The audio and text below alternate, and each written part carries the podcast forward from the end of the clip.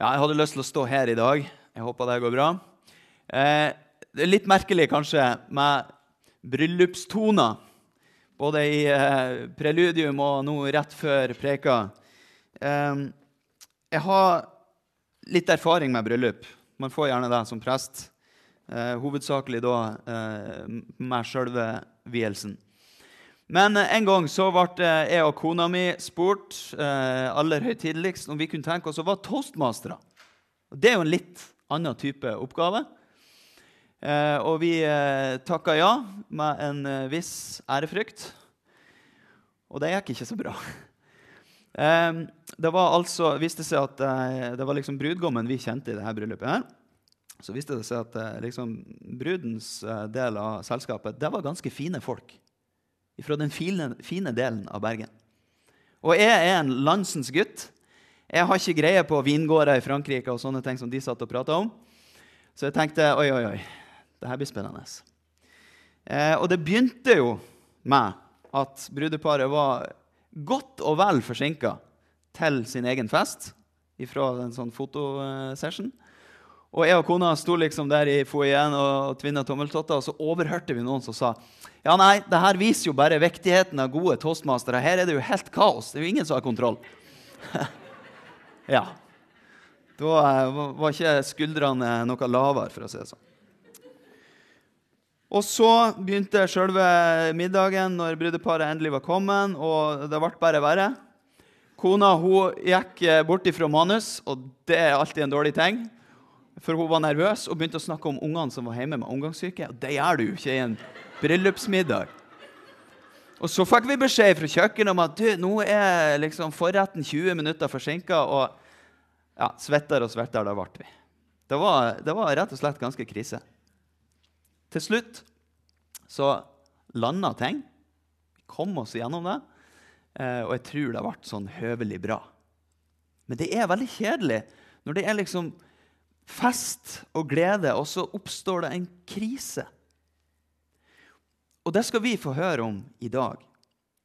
For det er bryllup som er liksom settingen vår i dag. Og så kommer redninga for det første ifra uventa hold, og for det andre på en i hvert fall uventa måte.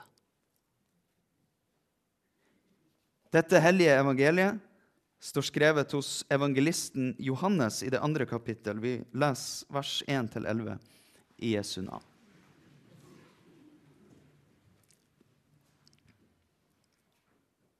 Den tredje dagen var det et bryllup i Kana i Galilea. Jesu mor var der. Også Jesus og disiplene hans var innbudt. Da vinen tok slutt, sa Jesu mor til ham, 'De har ikke mer vin.' 'Kvinne, hva vil du meg?' sa Jesus. 'Min time er ennå ikke kommet.' Men moren hans sa til tjenerne, 'Det han sier til dere, skal dere gjøre.' Det sto seks vannkar av stein der, slike som brukes i jødenes renselsesskikker. Hver av dem rommet to eller tre anker. Fyll karene med vann, sa Jesus til tjenerne. De fylte dem til randen. Øs nå opp og bær det til kjøkkenmesteren, sa han. Det gjorde de. Kjøkkenmesteren smakte på vannet. Det var blitt til vin. Han visste ikke hvor den var kommet fra, men tjenerne som hadde øst opp vannet, visste det. Da ropte han på brudgommen og sa, Alle andre setter først fram den gode vinen, og når gjestene blir beruset, kommer de med den dårlige. Men du har spart den gode vinen til nå. Dette var det første tegnet Jesus gjorde. Det var i Kana i Galilea. Han åpenbarte sin herlighet, og disiplene hans trodde på ham. Deretter dro han ned til Kapernaum sammen med moren, brødrene og disiplene sine, og der ble de noen dager. Slik lyder Herrens ord. Hellige Far, hellige oss i sannheten. Ditt ord er sannhet. Amen.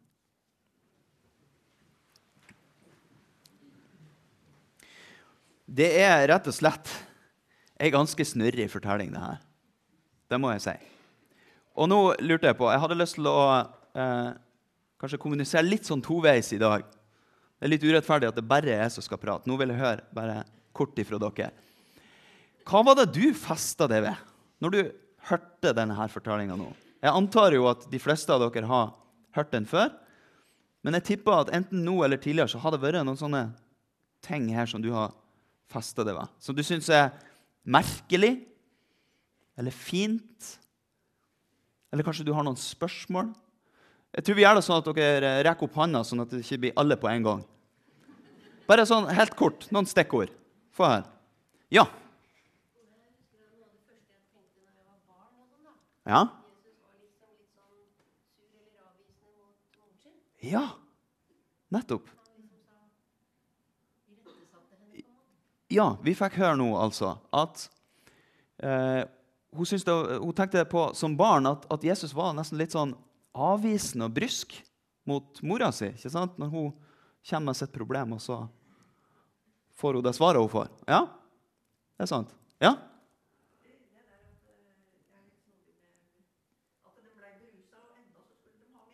De ble berusa, og ennå skulle de ha mer. Ja, det kan du godt si.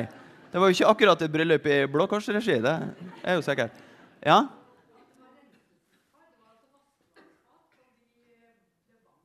Ja, det er en sånn detalj som vi noen ganger går glipp av. De her svære steinkarene det var til renselse. Jeg skal si litt om det òg. Ja?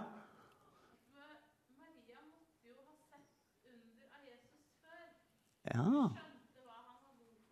Hun mistenkte at her kunne det komme noe Altså Maria, som jo da har vært sammen med Jesus hele livet, kanskje hun hadde en forventning om at han kunne gjøre noe som ingen andre var forberedt på. Ja?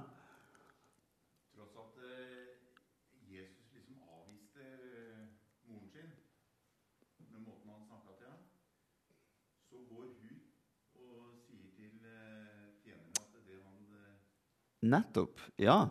Maria blir avvist, og likevel så sier hun til tjenerne bare gjør det han sier at dere skal gjøre. Så det er jo et eller annet her, ja. Ja. Du, tenkte dere få høre bare noen sånne småting som er, som er festa med vær. Og Det ene er jo den her absurde mengden vin. Altså, Hvem er det som trenger så mye vin? Prøv å gå på Vinmonopolet og bestille den mengden som vi er. Så skal jeg love deg at de ser rart på det. Eh, og det at det, det er et bryllup, hva, hva, har det med saken å gjøre? Eh, altså, Vi forventer jo å finne Jesus på plasser hvor det er en helsemessig krise, f.eks. Noen som er syk. Eller en åndelig krise. Men noe så liksom menneskelig som et bryllup Hva har han der å gjøre? Og så en, ting til. Hvis dette hadde skjedd i mitt bryllup Det hadde vi ikke alkohol i det hele tatt, så det var noe greit. Men hvis det hadde skjedd i mitt bryllup, så ville det jo blitt oppstandelse. Men her er det nesten sånn at det går helt under radaren. Folk får det omtrent ikke med seg. Plutselig bare Å nei, det var masse vin likevel. Jeg tenkte vi skulle grave litt sammen i det her og se hva vi kan finne ut av. For det er, som vi har vært inne på, det er et bryllup. Og det er på ingen måte tilfeldig. Du må ikke tenke at det er liksom bare en sånn hvilken som helst ramme for denne fortellinga. Det er ikke sånn at vi kunne bytta ut det med et jubileum eller en bursdag. eller et eller annet sånt. Nei, det er en dyp mening med at det er et bryllup det her finner sted i. Eh, og Det avsløres også av den dype sammenhengen mellom bibeltekstene i dag. Vi begynte jo i skapelsesberetninga. Eh, de av dere som holder på med årsbibelen, dere har jo nettopp fått lest den i sin sammenheng. Eh, det har jeg også gjort, og det er veldig spennende. Og så vet vi at Vitenskapen de, de snakker om noe som eh, de kaller big bang. Og jeg tenker at kanskje er de inne på noe. Fordi når jeg leser den fortellinga, så er det jo som en eksplosjon. Det er jo som om det liksom sprenger fram. Planter, dyr, fugler, fisk. Det er liksom Livet bare eksploderer, ikke sant? Um, og så selve høydepunktet, som vi leste om. Den sjette dagen. ikke sant? Kronen på mesterverket. Det fullføres med mennesket. Gud skap mann og kvinne. Eh, det for det er den kjernen som Gud har plassert midt i skaperverket sitt. Og hovedpoenget der er jo det samme som i dagene fram mot den sjette dagen. Det er fruktbarhet, det er liv, det er framtid, det er håp. Og så ser vi hele veien at Gud ser på det han har gjort, og det er godt. Og når han nå fullfører ikke sant, skaperverket med mann og kvinne, så sier han det er svært godt. Nå er det fullendt. Og Det er det som danner bakteppet for dagens fortelling. Det er noe godt vi fikk være med på her. Noe godt vi fikk høre om. Og Samtidig så peker det fram mot noe enda større, faktisk. Mot det himmelske bryllup. Men det skal vi komme tilbake til. For her og nå så er det akkurat det her. Bryllupet her. Vi skal se litt nærmere på. Der hvor Jesus er gjest. Jeg kan tenke meg Det var enda mer spesielt enn det å være sammen med fintfolk fra Bergen. Og så var det denne vinen, da. Den tok slutt. Det var tomt. Og det kan jeg fortelle deg at det er faktisk en betydelig større krise enn det jeg fortalte om i begynnelsen. For det var brudgommen sitt ansvar å sørge for selskapet. Lokalene og maten og drikken og alt, det var hans ansvar. Og det å gå tom for vin, det var jo ikke mindre enn et drepende slag for hans gode navn og rykte. Um, for det, det, vi har med å gjøre her, det er altså en skamkultur. Det kjenner ikke vi så godt i Norge. Men hvis du har vært rundt og, og reist litt i verden, så har du kanskje opplevd det. Jeg husker f.eks. fra Thailand. Så var vi på en restaurant og bestilte mat. Og så fikk alle maten sin, unntatt én. Og vi venta og venta og venta. Til slutt så, så, måtte han spørre unnskyld, hvordan blir det av? Spagetti bolognese. Og da måtte han, han eh, servitøren beklage. Det har vi ikke. Fordi det var en skamkultur. Og da burde vi ha skjønt bare ut ifra ansiktsuttrykket hans når han prøvde å bestille at nei, eh, vi må ta noe annet, så ikke han mister ansikt. Men det skjønte ikke vi, dum som vi var. Så vi virkelig fikk trykt det nedover ørene på han. Og det er den type kultur vi har med å gjøre her. ikke sant? Dette er ikke mer enn sånn Oi sann, ja ja, sånt skjer. Nei. Det fins eksempler ifra samtiden på at brudgommen ble saksøkt av brudens familie hvis noe gikk så gærent som det her. Så Det er rett og slett en ganske desperat situasjon vi har med å gjøre. Og så kaller vi jo ofte Jesus for en redningsmann. sant? Og det er jo ikke feil, men det, det er jo ikke helt denne måten vi ser at Jesus skal liksom komme til unnsetning på. Men han trør til og sørger for at vannet i de her steinkrukkene blir til vin. Og Litt avhengig av hvordan du regner de her måleenhetene, så snakker vi altså om 4, 5, 6, kanskje 700 liter. Og det er jo helt sprøtt. Hva er det som skjer her? Nå kan vi selvfølgelig begynne å grave oss ned i spørsmålet hvordan er det her mulig? Fordi hvis man kunne funnet ut av det, så ville jo enhver som drev i bryggeribransjen, solgt sin egen bestemor for å få liksom, greie på det.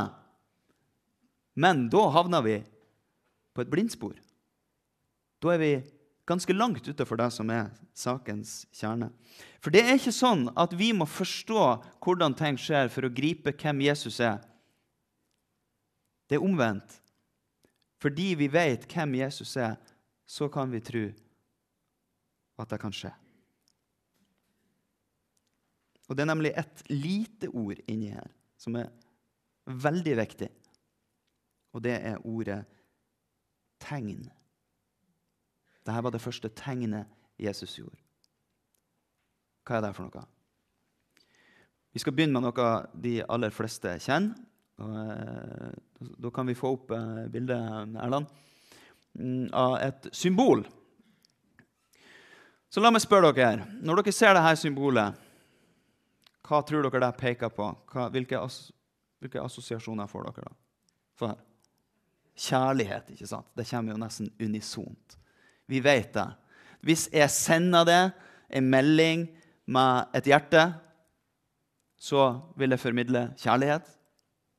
Hvis jeg hadde tatt et ekte hjerte derimot og postlagt og sendt det, så kan det hende det hadde fått litt annen betydning. Sant? Mulig jeg hadde blitt etterforska av politiet. Sant? Fordi vi vet at dette er et symbol.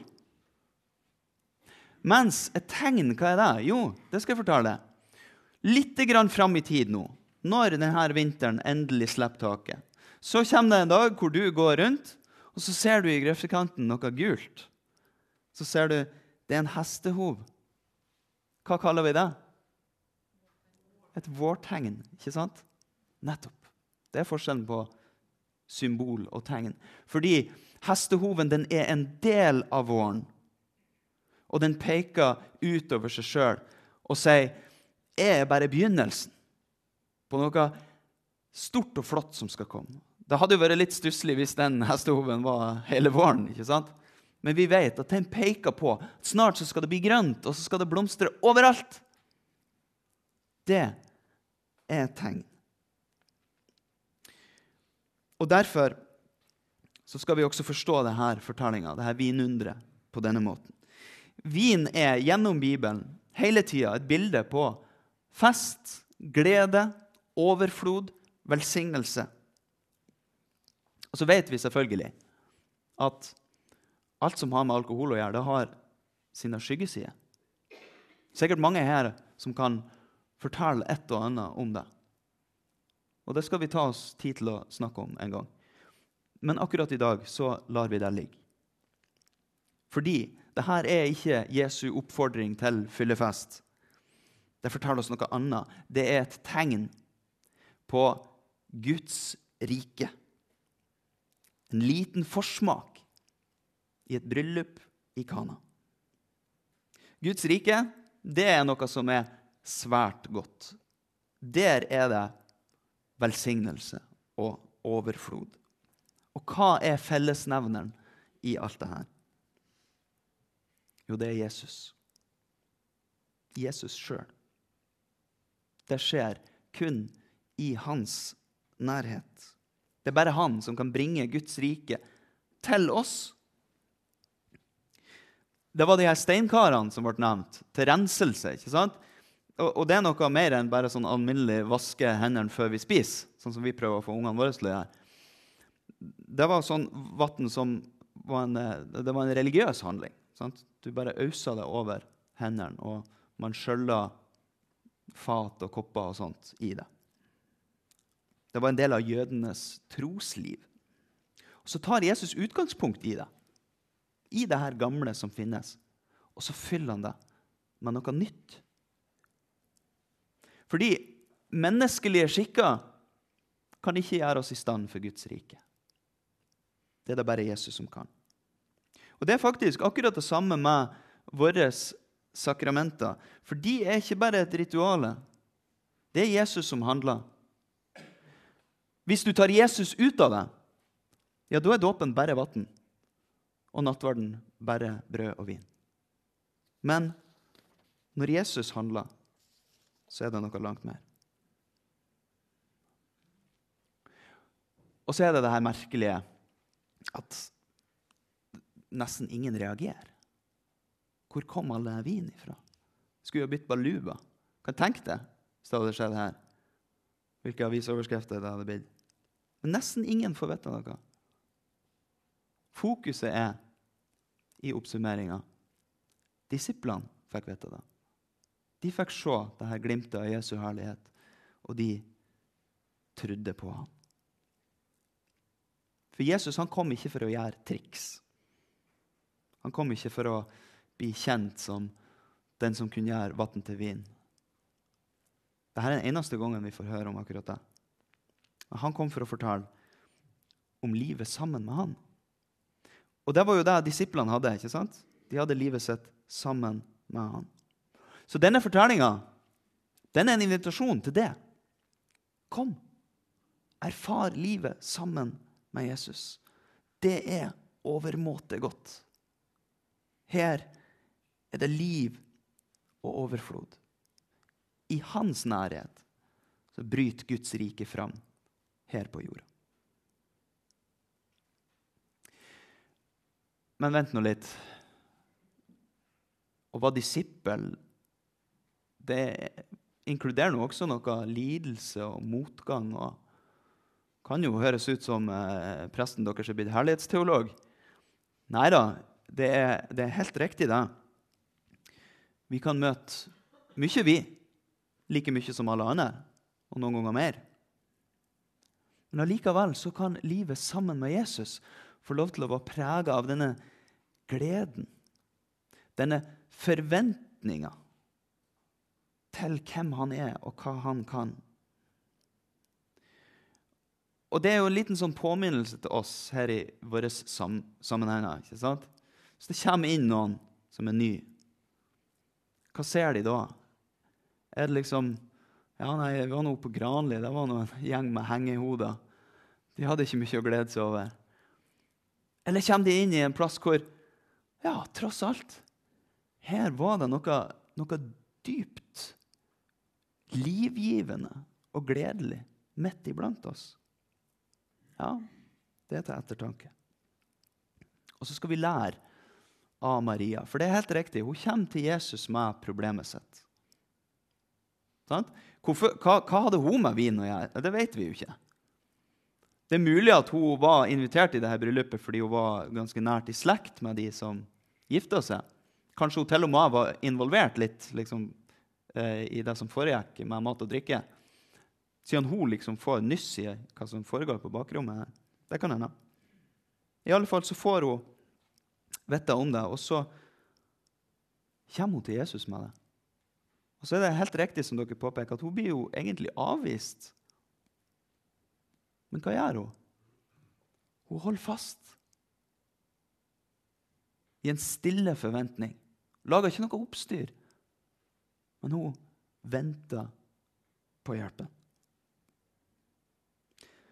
Ja, kanskje hun hadde sett under før, men forventa hun at ja, nå kommer han til å ta det krukken med vann og gjøre det om til vin? Nei, det er ikke sikkert. For ofte så tror jo vi at vi vet best hvordan våre bønner skal besvares. Sant? Ikke bare legger vi det fram for Gud, men vi, vi, har også en veldig tydelig tanke om at sånn og sånn og sånn skal du ordne det. Men sånn er det jo ikke alltid. Vi kan overlate vår sak til han som vet best, og så kan vi holde ut. For den utholdenheten den er ganske viktig. Og Når det kommer til det her med bønn, så har jeg et lite tips til dere. Begynn å se litt bakover. Fordi vi, vi i hvert fall min generasjon og de som er yngre, det, det går så fort. sant? Vi ber, og så har vi glemt det. Ja, det er klart, Da ser du ingen bønnesvar. Men hvis du ser bakover på de bønnene som du har båret fram for Gud, og da kan det hende du ser noe. Og så er det nå engang sånn at den store nøden vår, vi som er utafor Guds rike i utgangspunktet, den er allerede besvart, den, i korset. Jesus har betalt og åpna opp og sagt 'kom'.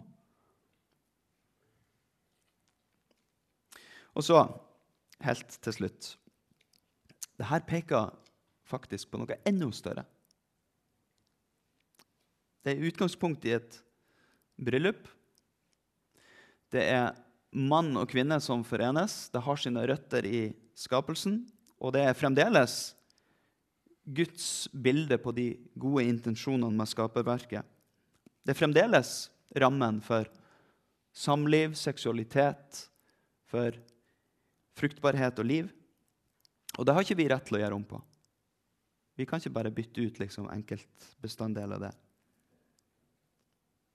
Men samtidig, når det er sagt, så er det ikke sånn at kjernefamilien skal oppheves til selve saligheten, for det kan vi stå litt i fare for å gjøre noen ganger. De som er single, forteller ofte da at ja, det er et evinnelig mas hvis man er med i en menighet. Har du funnet noen? At det er liksom det viktigste av alt? Nei, det er det ikke. Jesus og Paulus viser jo med sine egne liv at det ikke er målet. De peker på noe enda større. Det fellesskapet Gud har gitt oss, det er en familie. Det her fellesskapet, det er en familie. Å være én skal på ingen måte være det samme som å være alene. Da er det noe grunnleggende feil. Og vi har et ansvar for at ikke dette bare er fine ord og en teori, men at det faktisk erfares sånn. For sammen så ser vi fram imot et større bryllup, hvor vi alle er invitert. Da er det ikke lenger bare mann og kvinne. Da er det Jesus og hans folk som skal forenes. Og vi skal være ett, fullt og helt. Og de her bildene som vi har vært innom på fest og glede i dag, de bleikna fullstendig. Der blir det liv og glede og overflod og velsignelse. Tilbake til paradistilstand ganger med tusen. Der er ikke bare mann og kvinne. Der er hele troens folk. Og Gud skal være alt i alle.